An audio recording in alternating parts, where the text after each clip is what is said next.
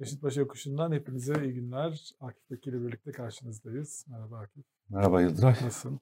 Valla 3. Dünya Savaşı ihtimalinin süper güç liderleri tarafından ve Dışişleri Bakanları tarafından konuşulduğu günlerden geçiyoruz. Ne kadar iyi olunabilirse bu şartlarda o kadar iyiyim. Evet. Gerçekten şey e, el, bir elin en azından çok da rasyonel olmayan bir elin nükleer e, silaha doğru uzandığı bir dönemdeyiz.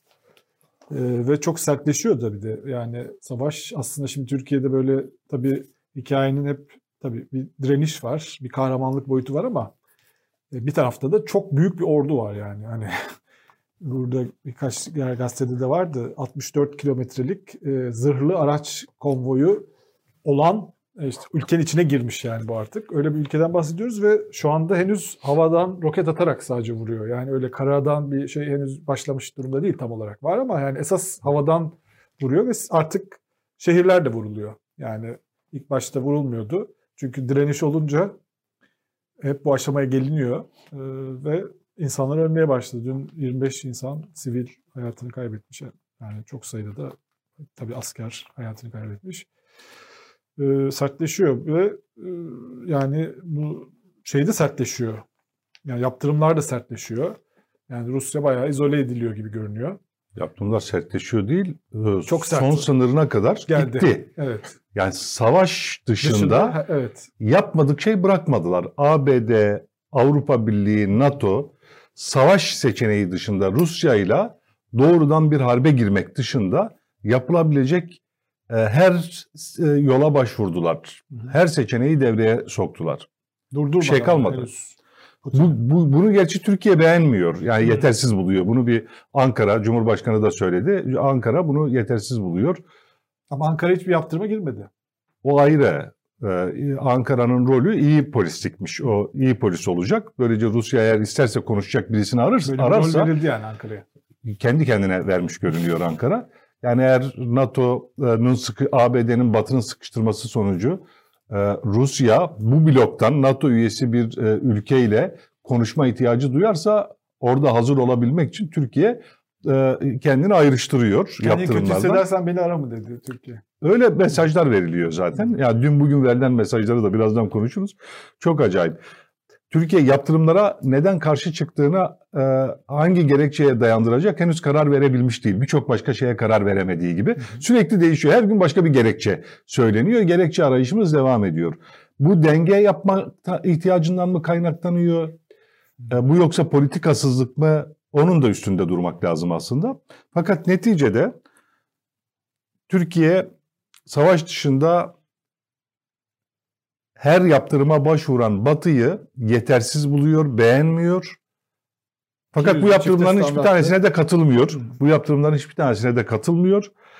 Ee, ve kendi tavrını dirayetli duruş, Batı'yı da dirayetsiz e, olarak tanımlıyor. Türkiye'nin pozisyonu bu. Yaptırımlara niye katılmıyorsunuz sorusuna katılıyor muyuz, katılmıyor muyuz ve niye sorusuna dün Cumhurbaşkanlığı Sözcüsü İbrahim Kalın ilkesel olarak yaptırımlara katılmıyoruz dedi. Ama daha önce Mesela- katıldığı yaptırımlar vardı Türkiye'nin. Ha, Mesela İran yaptırımlarına karşıyız. Niye haksız buluyoruz? Hı. Fakat Türkiye Rusya'nın Ukrayna'da yaptığı şeyi haksız ve hukuksuz bir savaş olarak görüyor. Hı hı. Bunu açıkladı. Kabul edilemez buluyor. Dolayısıyla Rusya'ya yapılan yaptı, uygulanacak yaptırımları niye haksız buluyoruz? Eğer bunlar haksız yaptırımlarsa bunlar az daha fazlasını yap diye Batı'yı niye eleştiriyoruz? Yani bir sorun yok mu? Bir de bunlar azsa daha fazlası ne? Yani Batı direkt savaşa mı girsin Rusya'yla? Türkiye ne istiyor? Ne istiyor? Yani Şu bu yap anda e, hava sahasını kapatmamış tek NATO ülkesi Türkiye aynı zamanda. Tabii. Rusya'ya. Bu- e, Çavuşoğlu başka bir şey söyledi. Çavuşoğlu da ya benim az önce espriyle karışık söylediğim gerekçeyi öne sürdü. O da dedi ki yani eğer e, konuşacak birisi gerekirse kapım biz orada olalım diye kapımızı açık tutuyoruz. Birimizin de kapısını açık tutması lazım meyanında bir şey söyledi. Hatta e, Avrupa Konseyi'ndeki çekimsel oyumuzu da böyle açıkladı. Bir şey daha söyledi. Yani ne yani şimdi dedi Rus e, e, halkı ahime başvurma hakkından mahrum mu kalsın? Onu oradan çıkardınız Gerçekten mı? dedi mi? Dedi. Hem dedi iki kere söyledi. İlk konuşmasında da çekimsel oyla ilgili ikincisinde de Vay dün de. vay vay.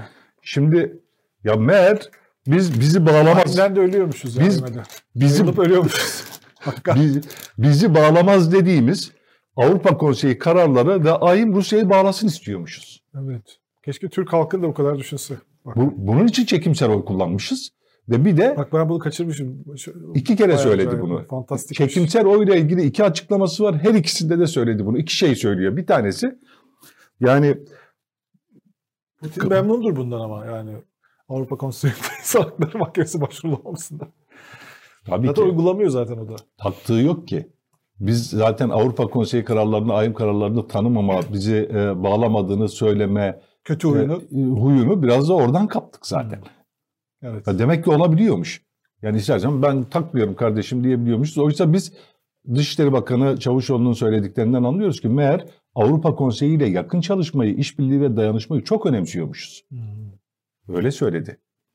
Yani Daha yeni yani bi- bizim işlerimizden e, Avrupa Birliği, e, Avrupa Konseyi'ne ne kararları bizi bağlamaz falan demedik mi? Peki Ne? bu sürdürülebilir bir şey mi sence? Çünkü çok sert yaptırımlar var. E, Putin de durmuyor.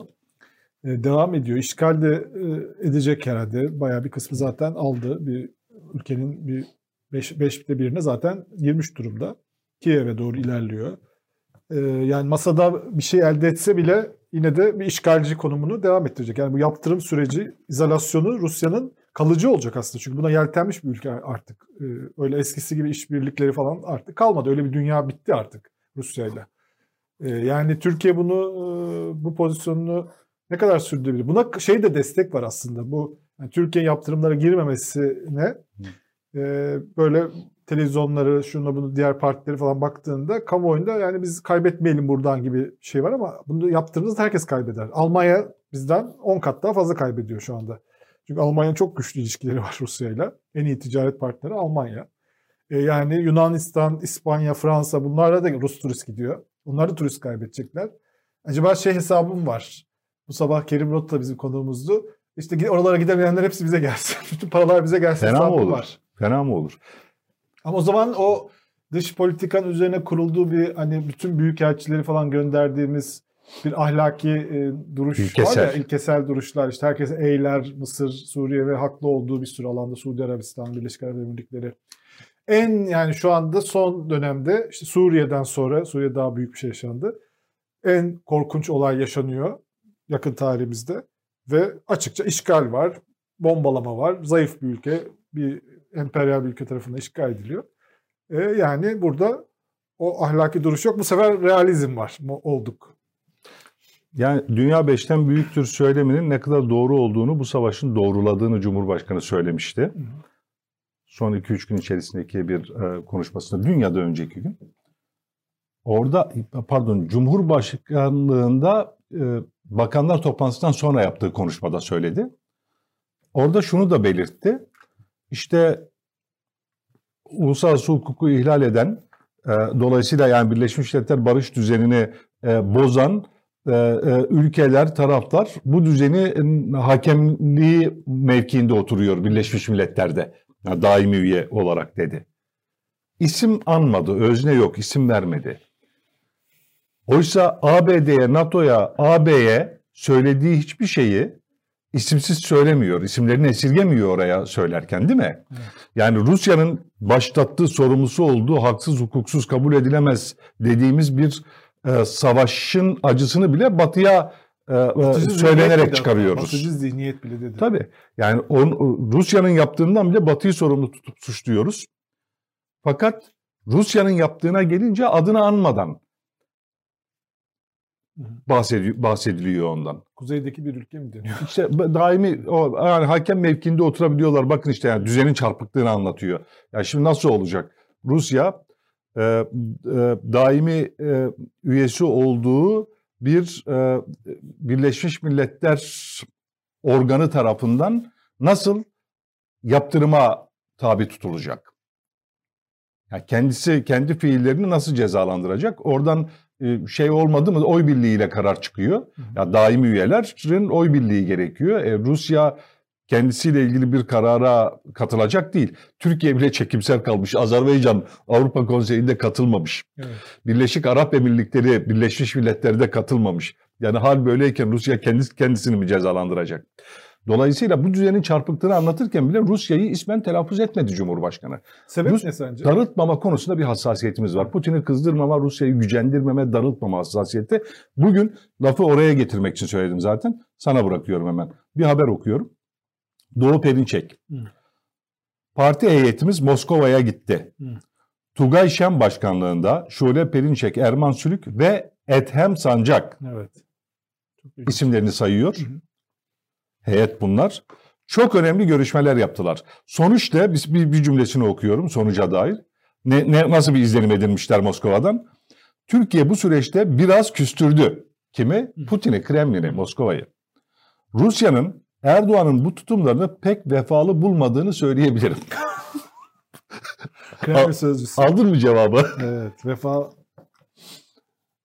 Evet. Demek vefa... ki bu kadar daha ne yapsın ya yaptırımlara girmedi. Ya bütün dünyayı kızdırma pahasına Putin'i kızdırmayı göze alamıyoruz. Yani NATO yani Putin'i kızdırmamak için e, kızgınlığımızı, öfkemizi Avrupa'ya, ABD'ye, Batı'ya söylenerek çıkarıyoruz. NATO'ya söylenerek çıkarıyoruz ama gene de yani Putin'i kızdırmama hassasiyeti evet. var Türkiye'nin. Nereden geliyor bu? Nereden geliyor? Bugün Meral Akşener şimdi e, grubunda, meclis grubunda konuşmuş. Ee, şöyle diyor.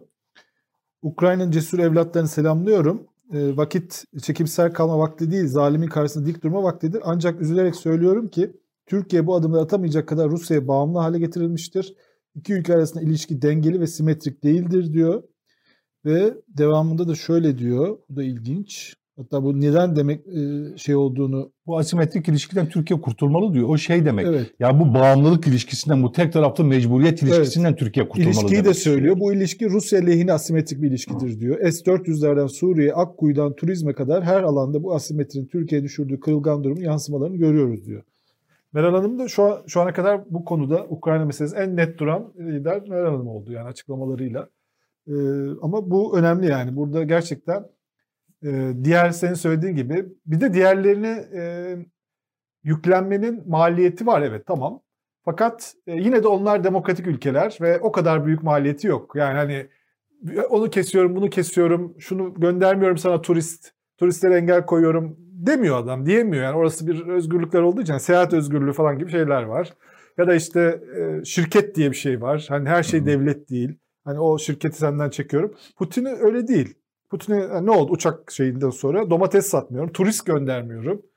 İşte e, sonra e, bir de basın toplantısı var biliyorsun e, Putin. Yani uçak krizinden sonra Türkiye'de çok bu unutuldu böyle.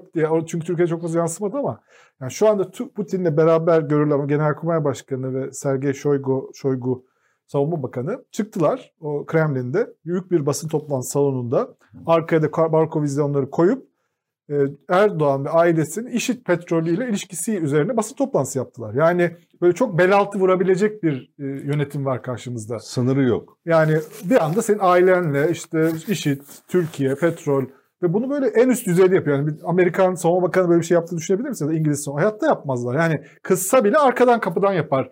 New York Times'a yazdırır falan yani yaparsa bile onu. Bunlar böyle aleni bir şekilde bunu yapan e, bir şey var karşımızda. Böyle bir şey olabilir. Yani ne nasıl bir tepki geleceğin belirsiz bir şey bu. Bir tane de bir örnek daha var. Suriye'de Türkiye'nin e, operasyonda biraz ileri gitti diye e, gelip e, Türkiye'nin askeri birliğini vurmuş bir ülkeden bahsediyoruz. Yani hani mesaj bile böyle veriyor yani öldürerek mesaj veriyor ve e, özür bile dilemediler yani hani pardon üzüldük falan bile demeden öyle devam ediyorlar. Sonraki Moskova ziyaretinde Cumhurbaşkanı'nın ziyaretinde hani o kapıda bekletme görüntüleri falan da ortaya evet, çıktı. Onu kendileri yayınladı aslında. Kapıda bekletme olarak yorumlanamaz falan dendi ama Rus devlet televizyonu onu öyle yayınladı. Saat falan da koyarak Koydular. böyle algılanması, görülmesi için gereken her şeyi yaptılar. Bunu sadece ama bize yapmıyorlar. Evet. Putin herkese e, muhatap olduğu diğer liderleri de dünyadan taciz et, e, etmek de meşhur. Ee, yani Merkel'e köpek şey yaptı. Merkel'e köpek fobisi olduğunu için. biliyor. Çok korktuğunu biliyor. Tam da basın içeri girdiği sırada e, Labrador cinsi köpeğini içeri aldırdı ve e, işte şeyle yani e, tepkilerini gözlerini kısarak kesen bir fotoğraf karesi yansıt çıktı oradan. O zaman Merkel basınla sohbetinde bunu yorumlarken bir psikolojik analiz yapmıştı. Bunun zayıflığı kapatmak için e, yapılan bir güç gösterisi olduğunu evet, söylemişti. Maçoluk kompleksi mi öyle bir şey demişti. Maçoluk kompleksi yani bunun kendi zayıflıklarını örtmek, kapatmak için e, e, yapılan bir e, şey olarak değerlendirmişti. Bir güç gösterisi olarak değerlendirmişti. Güzel cevap vermişti. Bunu hani Macron'la görüşme Zaten fotoğrafları son... falan başka şeyler de var. Yöntem olarak benimsemiş görünüyor. Belki de KGB'den kalma alışkanlığı. Yani karşı tarafı psikolojik olarak taciz etme ve böylece e, üstünlük, üstün, gösterme. üstünlük gösterme e, çabası. Tekin bir şey değil yani, muhatap değil. Olmadığı kesin. Elbette Rusya ile de Türkiye e, bölge ülkesi olarak geçinmenin yollarını arayacak. Evet. Bir e, e, e iyi ilişki içerisinde olacak. Bütün tarihimiz zaten bu çabalarla geçti Rusya ile. Aynen ama Batı'yı dengelemek için Rusya'ya elini kolunu kaptırmayacak. Kaptırmadan yapacak bunu. Doğru.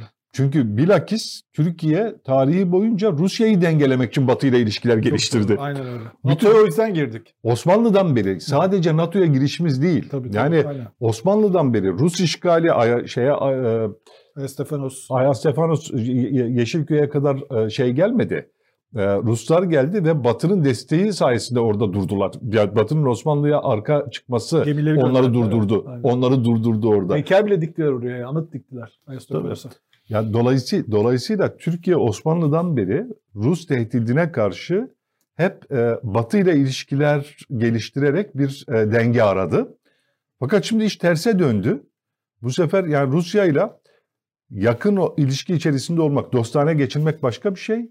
Gereğinden fazla yakınlaşmak başka bir şey. Şimdi ne kadar yakınlaştıysak bu dışarıdan karşıdan bağımlılık diye görülebilen, eleştirilebilen bir ilişkiye döndü. Hmm. Ve bir şey diyemiyoruz. Yani haksız hukuksuz savaş kabul edilemez dediğimiz bir savaşın faili Rusya iken ona bundan fazla bir şey söylemeyip vazgeçilmez olduğuna ekliyoruz arkasından. Rusya vazgeçilmez bizim için diyoruz. Sonra dönüyoruz. Bu savaştan dolayı ABD'yi, NATO'yu, AB'yi hem de her şeyi yaptıkları halde, savaş dışında her şeyi yaptıkları halde suçluyoruz.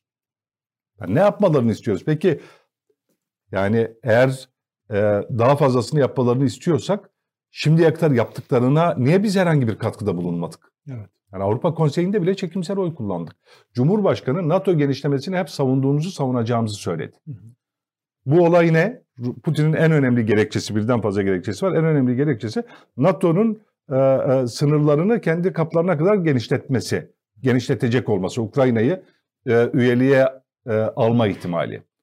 E, bu Türkiye'nin oy verdiği, bütün üyeler oy vermese uygulayamıyor Tabii. politikayı. Türkiye'nin oy verdiği, kararına e, katkıda bulunduğu e, bir genişleme. Daha önce de genişleyen, genişleyen ülkeler oldu. Polonya, Baltık ülkeleri girdi. Hepsini desteklemişiz. Hepsini Hala da destekliyoruz ve destekleyeceğiz. Peki yani kendi kararımızın, kendi desteklediğimiz politikanın arkasında nasıl duracağız? Durmayacak mıyız? Biz onlar kötü polis olsun, biz iyi polis olalım. Rusya konuşacak birini ararsa burada bir dost olarak biz duralım. NATO üyesi bir dostu olarak. Bu e, da olmuyor hocam. Ha, istemiyor. Rusya istemiyor bunu.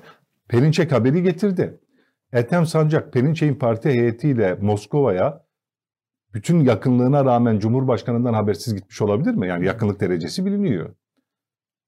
Cumhurbaşkanı'nın bilgisi dışında gitmiş olabilir mi? Olabilir mi bilmiyorum. Şu ihtimal dışı. nedir? İhtimal dışı ama getirdikleri yani, izlenim de getirdikleri izlenim de belli. Rusya dargın, kırgın. Nasıl gönlünü yapacak peki şimdi Türkiye? Hmm. Ne yapmak lazım? Bir Kars Ardahan falan mı istiyor nedir yani? Yani Rusya'yı mutlu etmek çok zor. Yani evet. şimdi Ukrayna ile olan e, barış görüşmelerinin şartlarına baktım. E, her gün bir el arttırıyorlar. Yani işte asla işte NATO üyesi olmayacak, nükleer silah olmayacak, Kırım'ı tanıyacak, falan böyle her gün yükseltiyor yani şeyi. Çok şey yani hani Rusya'yı mutlu etmek çok zor. Ee, Sence denge arayışı politikasızlık var? Ya bir kararsızlık var değil mi? Ya gerekçesi bile sürekli değiş. Gerekçesine karar veremiyor. Evet. Mesela ne gerekçeyle onu öyle bunu böyle yapıyoruz. Ne taraf olabiliyoruz ne tarafsız kalabiliyoruz. aslında tarafsız da durmuyoruz. Biraz zamanı oynuyor Yani sanki Türkiye. Yani bu barış şeyinden bir şey çıkar. Bekle görme. Yani hiçbir şey yapmayalım. Çünkü bu şeye de çok yatırım yapıldı ya. Yani yaz gelecek ve ekonomimiz düzelecek. Turizmine çok yatırım yapıldı. Ee, Türkiye'nin en çok turist gelen birinci ülke Rusya, üçüncü ülke Ukrayna. Ee, bu savaşın bir şekilde bitmesi e, Türkiye'nin lehine tabii. Herkesin lehine ama Türkiye'nin ekonomik olarak da çok lehine. Ee, o yüzden şimdi şimdilik o kapıyı kapatmayalım, aman birkaç gün böyle idare edelim gibi bir şey var ama bu o kadar kısa sürecek bir şey değil. Bir karar vermesi gerekecek Türkiye'nin. Bu- Buna Bir yol ayrımına yani evet, yani Putin'i kızdırmama siyasetinde yol ayrımına geldik gibi sanki. Yani şey var bir de bu burada bir de e, dünya tarihi açısından da bir kırılma var. Yani bir bir dönem vardı böyle Rusya ile Avrupa yaklaştı, ticaret şeyleri kuruldu. Sonra sertleşmeye başladı bu Kırım meselesinden sonra. Suriye meselesi bunu devam ettirdi bir miktar.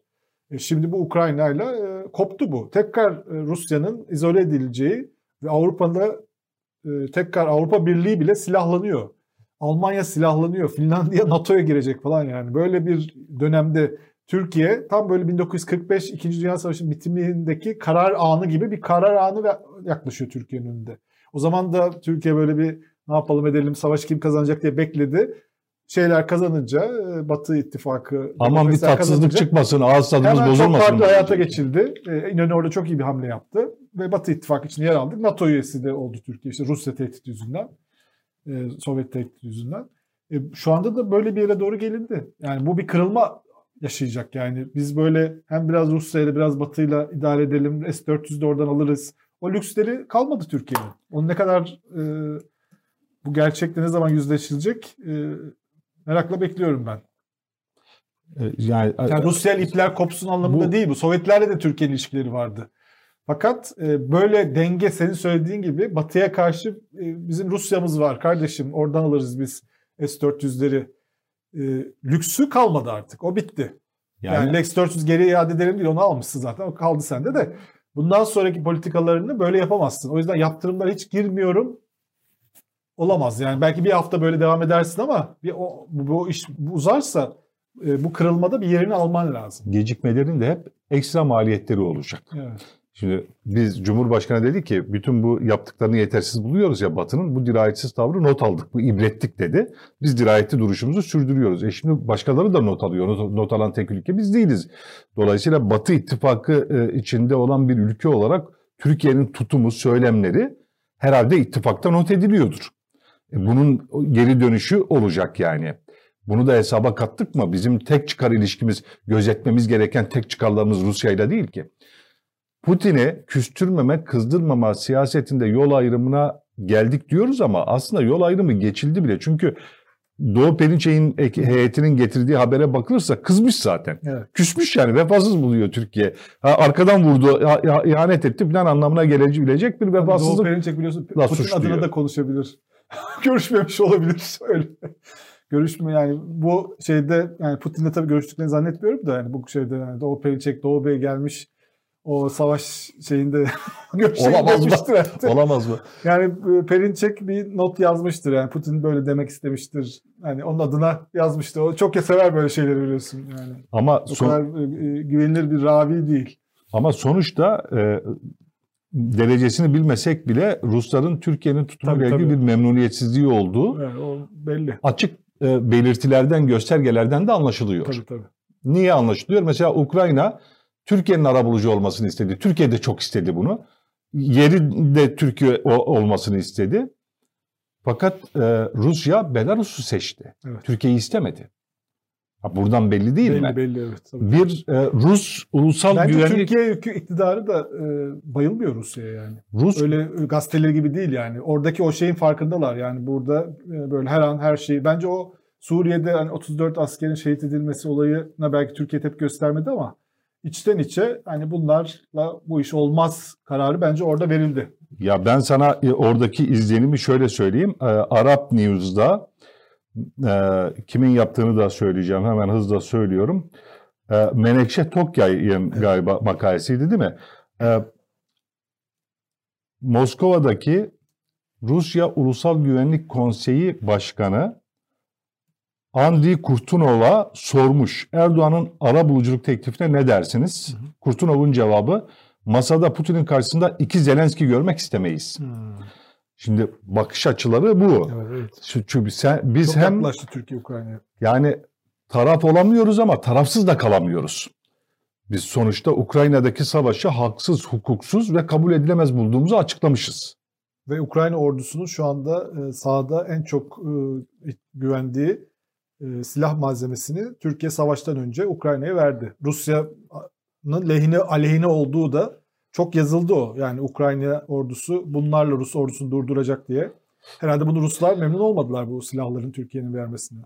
Kızmışlar mıdır? E, Bence o zaten yani o Bayraktar şeyde şarkı falan yazıldı biliyorsun yani Ukrayna'da böyle efsaneye dönmüş durumda o. Yani bir de Bayraktar diye geçiyor. Zaten onların da yapımında katkısı var. Ha. Motorunda mı ne katkıları var. E, yani şey e, en çok güvendikleri bir de uçabilen Ha. uçak şeyleri uçamıyor ya hava şeylerinde. Şu Hı. an o uçabiliyor. E, en çok güvendikleri silah şu anda Türk yapımı bir silah. Yani Türkiye'den gi- gitmiş ama savaştan önce gitti yani savaş sırasında Tabii tabii. değil bu. Savaştan önce Türkiye'nin sattığı bir de sattığı yardım şey. değil. Yani Yardım değil tabii. Avrupa Birliği, NATO, ABD'nin 500 milyon euroluk, 500 milyon dolarlık Öyle değil. silah, uçak, askeri Değil, uçak evet. yardımları gibi değil. Füze Türkiye yardımı silah gibi yardımı değil. da yapmıyor. Yani Bu öyle bir- satış. Evet. Türkiye sadece insani yardımdan bahsediyor. Hiç Evet. askeri yardımdan Evet. bahsetmiyor. Zaten hava sahasını bile kapatmadı Rusya yani.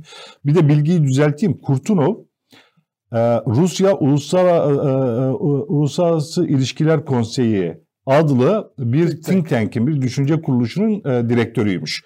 Ya ben e, şeye Rusya Ulusal Güvenlik Konseyi'ne gitti aklım. E, ama önemli bir e, merkez gene de şeyle e, ilişkileri var. Kremlin'le yakın ilişkileri olan bir düşünce kuruluşu. SETA gibi düşün yani Türkiye'deki. Onun başındaki isim e, az önce söylediğim değerlendirmeyi yapmış. E, sen bayraktarlarla ilgili şeyi söyledin. Bayraktar'ın e, yöneticilerinin attığı tweetlerden haberin var evet, değil mi? Evet tabii. Onlar çok net bir şekilde Ukrayna'yı desteklediklerini yazdılar. Biraz fazla net değil mi? Fazla. Evet. Yani şöyle söyleyeyim. e, çünkü sonuçta Cumhurbaşkanı'nın Cumhurbaşkanı ile aile ilişkileri var. Yani Ama bayraktarların Ukrayna ile ilişkileri var. Yani o yani orada savunma sanayiyle ciddi işbirlikleri var. Tabii. Hayır ben şey yapmıyorum. Bir itirazım yok attıkları tweetlere. Ee, fakat şey çok ileri buldum. Yani iktidarla e, ve doğrudan Cumhurbaşkanıyla aile ilişkileri olmasaydı e, sadece kendi şirketlerini ve ticari ilişkilerini bağlayacağı ve kişisel duruşlarını bağlayacağı için tabii ki bir e, şey demek mümkün olmazdı. Fakat a, bu arada onu arıyor. Mesela Haluk Bayraktar Evet. CEO'su galiba değil mi? Evet evet. Ee, Selçuk Bayraktar'ın Abisi. abisi. Tüm dünyanın gözü önünde zalimce işgal edilen dost Ukrayna'nın onurlu halkının yanındayım. Engellenmediği takdirde savaş yarın her kapıyı çalacak. Tüm dünya masum sivilleri korumak için çok geç olmadan harekete geçmeli. Yani ilk başlarda atlayan. Biz dünyaya dahil miyiz? Herhalde biz tüm dünya derken bizi de kastediyordur. Yani benzer sertlikte hiç bundan aşağı kalmayacak bir tweet'i de Selçuk Bayraktar attı. Evet. Şimdi Türk vatanı Kırım falan diyen. Tabii. Evet. tüm dünya harekete geçmeli. Peki biz geçtik mi? evet. Biz Geçmedik. bize düşen rol iyi polisi e, oynamaktır. Çünkü Rusya konuşacak birisini ararsa açık bir kapı kalmalı. O da biz olalım. E, Rusya Zelenski bile görev konuşuyor verdik. yani. Hı? Zelenski ile bile konuşuyorlar yani. Öyle ille de açık kapıya gerek yok. Yani yaptırım da yapabilirsin. Sonuçta NATO ülkesi Türkiye onun arkasında e, durabilirdi. E, bakalım nereye kadar bu devam ettirilebilecek. Fakat bir de şey var e, ilginç bence. Belki birkaç cümlede ondan bahsedebiliriz. O kadar çok bu 2015'ten sonra yani bu barış şeyinden sonra özellikle darbe meselesinden sonra Rusya ile o kadar çok yakınlaştık ki Türkiye ve böyle stratejik ortak iki tane lider işte sürekli görüşmeler, Soçi zirveleri, işte Suriye'de bize yardım ediyor, Amerika'ya karşı bizim yanımızda Rusya, ulusalcılık falan. O kadar böyle yani Rusya bizim e, yerli ve milli stratejik ortağımız gibi oldu ki ve bu havaya da zaten Türkiye'de biliyorsun çok böyle ezbere bir kahrolsun Amerika, kahrolsun Batı fikri de böyle her kesimde olduğu için yani soldan sağa, İslamcıdan şeye kadar e, ulusalcılara kadar. Çok da kolay da satın alındı bu. Rusya gibi böyle Avrasya işte bunlara karşı direniyorlar falan batıya karşı. Böyle bir tuhaf bir imaj yani Putin'in hiç şeyini alakası olmayan Putin gibi imparatorluğunu genişletmek isteyen bir Rus milliyetçisi yani Putin. Yani senin kaşına gözüne hayran değil yani senin NATO üyesi olarak içeriden bir tane ortak çekmeye çalışıyor yanına orayı karıştırmak için. Onun en büyük motivasyonu o. Yani yoksa çok ne yapacak yani Türkiye ile ticaret yapıyor ama Bunu esas görmemek fazla mı saflık olur? Neyi? Bunu görmemek, Evet. ya Putin'in ne yapmaya çalıştığını Evet, görmemek. Tuhaf bir bayağı inanıyorlar. Çünkü bu halde bile yani şu şartlarda bile yani açıktan giriyor. Diyor ki ben oralar benimdi zaten diyor. Lenin verdi diyor. Lanet olsun diyor. Giriyor yani hiçbir yerden tutamaz. Yani solculuktan tutamazsın. Tarihsel toprağım diyor. ya. Evet evet Tarihsel yani toprağım. bayağı böyle emperyal şeyle böyle Haçlı Seferi gibi girdi oralara. Küçük de bir ülkeyi eziyor. Çok belli. Başında işte lideri var genç lider. Bu böyle KGB'ler falan ordular. Yani baktığın zaman bir insanın e, yani filmlerde falan şey olsa hani maz, mazlumları tutarız ya hep yani. Her, yani bütün dünya Ukrayna'yı tutuyor tabii ki yani burada. Rusya'yı Zaten tutan Pu- Putin gözden düştü. Komedyen diye küçümsenen Zelenski yükselişte Evet şu kahramanlaştı. Fakat bu şey öyle bir havaya girmişler ki bu beş, çıkamıyorlar o havadan. Yani Rusya, NATO orayı kışkırttı da işte Putin en son şeyler gördüm. Putin oyuna getirilmiş. Putin danışmanları onu kandırmış. Zorla onu Ukrayna'ya. Putin yani oyuna Putin iyi getirilmiş. etrafı kötü. Yani gerçekten yani emin misin 30 yıllık KGB ajanı oyuna getirildi ve bu sene sen fark ediyorsun bunu buradan Yani- Türkiye'den. Putin bir strateji dehası, satranç ustası. Evet. Ondan sonra çok yaman adam tuttuğunu koparıyor. Böyle bir hata ona yakıştırılmıyor. Nasıl olur? Kondurulmuyor ona. Yapa, yapam, yapmış olamaz. Demek ki yanıltıldı. Hata artık kabul edilmeye Evet. başlandı. Demek ki yanıltıldı. Yoksa bu onun yapacağı, onun ustalığında, onun kıdeminde, onun yetkinliğinde, onun doluluğunda Evet. birinin yapacağı bir hata değil. Evet. Çünkü o otokratların en iyisi. En iyisi. Ama vatandaşları kredi kartını bile kullanamıyor şu anda. Öyle bir otokrat. Şeyi düşürdüğü durum Nefret ediliyor. Hatta nefretin ucu bu- bucağı kaçıyor yani artık yani e, Ruslara yönelik bile saçma sapan şeyler yapılabiliyor yani yaptırım gibi böyle e, şeyler. Bunun, ama şu ilginç yani hükümet mesela hükümete bakıyoruz tamam yaptırım uygulamıyor ama en azından işte kınıyor falan işte işgal diyor. haksız hukuksuz diyor. Diyor. Bunlar onun da gerisindeler. Yani bunlar bayağı böyle bir şey arka bir mevzideler. Yani orada bayağı televizyonlar hala öyle. Yani birkaç televizyonu şimdi değişti yavaş yavaş şeyleri ama yani ilk günden itibaren böyle komutanlar çıkıyordu. Ulusalcı bir takım şeyler. işte bir takım böyle hükümet destekleyen şeyler. işte NATO, NATO yaptı. NATO, NATO işgal etti Ukrayna. Yani böyle hiç bilmeyen biri NATO Ukrayna işgal etti gibi olarak şey yapıyor. Bu bu mesela hükümet şeylerin hala devam ediyor. Ben bak bakıyorum televizyonlara. Hala daha mesela hani Putin işte böyle bir konuşma da yaptı, girdi, insanlar ölüyor, siviller ölüyor. Ukrayna'da böyle hani ha, bugün mesela Akşener gerçekten hani ilk defa gerçekten de hani bunu anlayabilecek hani bir ülke Türkiye değil mi? Yani işgal tecrübesi yaşamış, milli mücadele diye bir şey var. insanların seferber olduğu. Bu mesela ulusalcıların falan en azından böyle daha milliyetçilerin bunu en azından hissetmeleri lazım. Hani tabii vatandaşlar hissediyor. Vatandaşlarda hiçbir sorun yok yani. Bence vatandaşlar bayağı bu konuda net görüyorum ben vatandaşları e, bu meselede. Yani Türkiye'de çok anti Amerikancılık falan çok olsa da Ukrayna meselesinde herkes Ukrayna'yı tutuyor. O çok şey. Ama kanaat önderleri toparlayamadılar o ideolojik şeyden moddan çıkamadılar bir türlü. Zihinsel tembellik ve ezberden kaynaklanıyor. Evet, Kalıplar var. Onlar henüz kırılmadı ama kırılır onlar. Çok ben e, e, komik buluyorum ve yani gülünecek hal yok şu an bir e, bütün ciddiyetiyle savaş var. Çok da kanlı geçiyor. E, ama geriye dönülüp bakıldığında bunlar ancak alay konusu olur. Yani herhangi bir ciddiyeti yok. Putin e, dünyada en ciddiye alınan, en gerçekçi bulunan otokrattı. Ya En eski şu anda liderlerden. Otokratların da rol modeliydi. Yani en zekisi, en sportmeni filan. Fakat o modelin de iflasıyla karşı karşıyayız. Yani sadece Putin'in kişisel olarak karizması çizilmedi. Ee, aynı zamanda Putin'in temsil ettiği otokrat modelinin de iflası yenilgisi bu. Çok doğru. Ben o, onu yazdım bugün. Evet. Ee, yani tek adamlığın, demir yumrukla yönetmenin filan da iflası bu. Çünkü bir ülkeyi, koskoca bir ülkeyi oyuncağı haline, kendi hırslarının, heveslerinin oyuncağı haline getiriyor. Ve bir liderin yanılgısı, onun körlüğü bütün bir ülkenin körlüğüne dönüşüyor.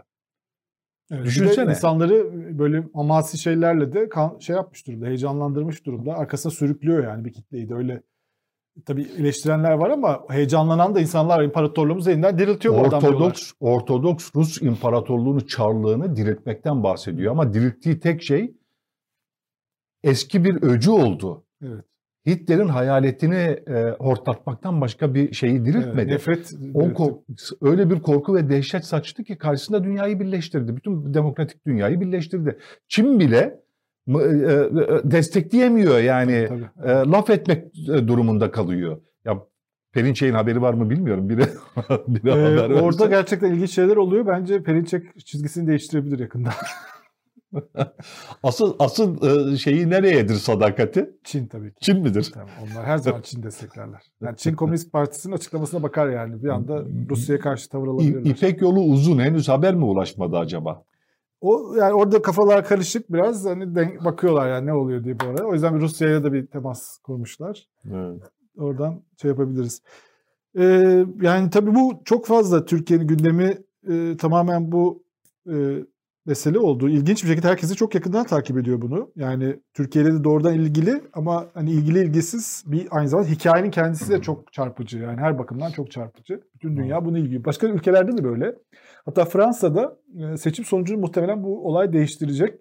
Macron e, yükselmiş anketlerde. E, şeyler de daha Putin'e yakın olan Le Pen, işte Zemmour, işte Mélenchon falan gibi daha böyle aşırı sol, aşırı sağ adaylar düşüşe geçmiş. Hatta onlar Le, Le Pen mesela şey yapmış hemen bir bir tane broşürü varmış Le Pen'in. Üzerinde Putin'le tokalaştırırken resmini göster. Onu güya yani ben dünya lideriyim gibi dış politika vizyonunu koydu. O bir buçuk milyon e, broşürü toplatmış, yok etmiş o görseli. Çünkü e, Putin'e yakınlık Fransız kamuoyunda artık iyi bir şey değil. Yani Bütün Avrupa kamuoyunda da. Avrupa Evet. solunda nedamet getirenler sıraya girdiler. Tövbe ediyorlar. evet evet. Araya mesafe koymaya başladılar filan. İlk savaşın başındaki pozisyonlarını geri alanlar Evet. sıraya girdi. De Linke var işte Almanya'daki bahsettiğin işte AFD, ırkçı parti onlar bile Putin'i eleştiren açıklamalar yaptılar. Ee, bayağı şey siyaseti çok e, domine etmiş durumda. Ee, bizim tabii e, ekonomi gündemimiz var aynı zamanda. Hayır, Türkiye'nin kendi çıkarlarını gözetmesinde bir yanlışlık yok. Tabii tabii. Ama e, bir tutarlılık ihtiyacı var. Bizim sözümüzün, itibarımızın değerini de e, korumamız gerekmiyor mu? Yani yani tek korumamız gereken değer e, sadece ekonomik çıkarlarımız mı? Evet. Elbette çıkar gözeteceğiz ama yani başkaları çıkarlarını feda edecek, biz ondan yararlanacağız. Bu bizi nasıl gösterir dünyada? Bunun ayrıca çıkarlarımıza geri dönüşü nasıl olur? Evet. Bizim en büyük çıkarımız Rusya ile değil. Evet. Ya ticaret en büyük ticaret partnerimiz Rusya değil. Evet. Ee, bütün bunlar hesaba katıldı mı? Bu doğru yapılıyor mu? Bir öngörüsüzlük var. Bu aslında bir Ortada atlama yani. tahtası olarak da fırsat olarak da kullanılabilir bu. Yani Türkiye bunu istese e, yapabilir. Şu anda Batı ile Ukrayna ile ilişkileri iyi. Yani çok fazla e, savaşın içine girmeden ama Batı ile e, ittifakı sağlamlaştırabilir ama bunun için e, içeride de şeyler yapmasını e, yine beklenebilir yani Türkiye'den. Çünkü otok, senin söylediğin gibi otokrat modeli de yani bir taraftan demokrasiler açısından da bir şey bu. Başarı hikayesi. Ya tek şey adam bu. tek adamlığın çöküşü ve bir ülkeyi e, maceradan maceraya sürükleyerek iflasa, bataklığa e, e, e, e, çekmesi e, artık son durağı bu. Ama bir taraftan da e, şeyin de ortak aklın da önemini e, bir kez daha gösterdi. Evet. Yani ya Rusya eğer tek adamın ağzına bakmıyor olsaydı e, Putin de şimdi güç delisi olarak tanımlanan bir e, havaya girmemiş olsaydı böyle bir özgüven patlaması yaşamıyor olsaydı belki böyle bu körlük yaşanmayacaktı. Bu kadar dışarıdan bariz görünen bir hatayı yapmayacaktı. Rusya'yı bir bataklığa sürükledi, peşine taktı götürdü. E, bu tek adamlığın da çöküşüdür aynı zamanda. Bir ve e, kendi ülkesinin başına bela oluşudur. Sadece dünyanın başına bela oluşu değil. Fakat e, bunun karşıtı olarak da ortak aklın yükselişini getirir bu. Onun kıymetini bildirir. Evet. Yani NATO'nun kıymetini nasıl e, hatırlattıysa NATO'nun beyin ölümü gerçekleşti deniyordu Macron. Şu an NATO diriltti yani Putin aslında. NATO'nun tabii NATO'nun kıymetini nasıl tekrar hatırlattıysa onu unutanlara Avrupa Birliği'ne, ABD'ye, e, Atlantik İttifakı'nın e, kıymetini nasıl hatırlattıysa Cumhurbaşkanı bile biz de Avrupa Birliği'ni almanız için işgal mi olmamız lazım Evet. dedi. Yani Avrupa Birliği'ne Türkiye'nin hevesini de arttırdı bu. Şimdi demokrasiden, hukuktan uzaklaşanlara Dışişleri Bakanı Çavuşoğlu'nun dediği gibi Avrupa Konseyi'nin, AİHM'in, e, demokrasinin, hukukun ve ortak aklın kıymetini de hatırlatan bir örnek değil mi bu? Evet. Avrupa Konseyi şey e, başvuru hakkı ne kadar Ruslar çok güzel bir şey. Rusların AHİM'e başvuru hakkı olmasın mı? Ya her, her sabah kalkıp başka bir şey söyleyebiliyoruz. Yani iktidar siyaseti oraya döndü ve bu çok e, elem verici. Yani e, bugün AK Parti sözcüsü ben yayına gelmeden önce arkadaşlar söyledi izleyemedim. Biz e, ilkesel e, olarak katıldığımız yaptırımlar var demiş. Dün Cumhurbaşkanlığı sözcüsü ilkesel olarak Rusya'ya yaptırımlara katılmıyoruz dedi. İlkemiz de bizim. Evet. ya böyle bir şey olabilir mi? İstikametimiz ne bizim? Nereye gidiyoruz? Rotamız ne? İlk gün Politikamız Cumhurbaşkanı e, Avrupa'yı aslında biraz haklı olarak o zaman çünkü Avrupa henüz yaptırım açıklamamıştı. Sert bir şekilde eleştirdi. Ben de Düzelinski ile konuştum. Bunlar yani sadece konuşuyorlar dedi. Ondan sonra ama Avrupa gerçekten hani Batı yapabileceği her şeyi yaptı. O zaman Türkiye katılmadı. biraz tuhaf bir durum oldu.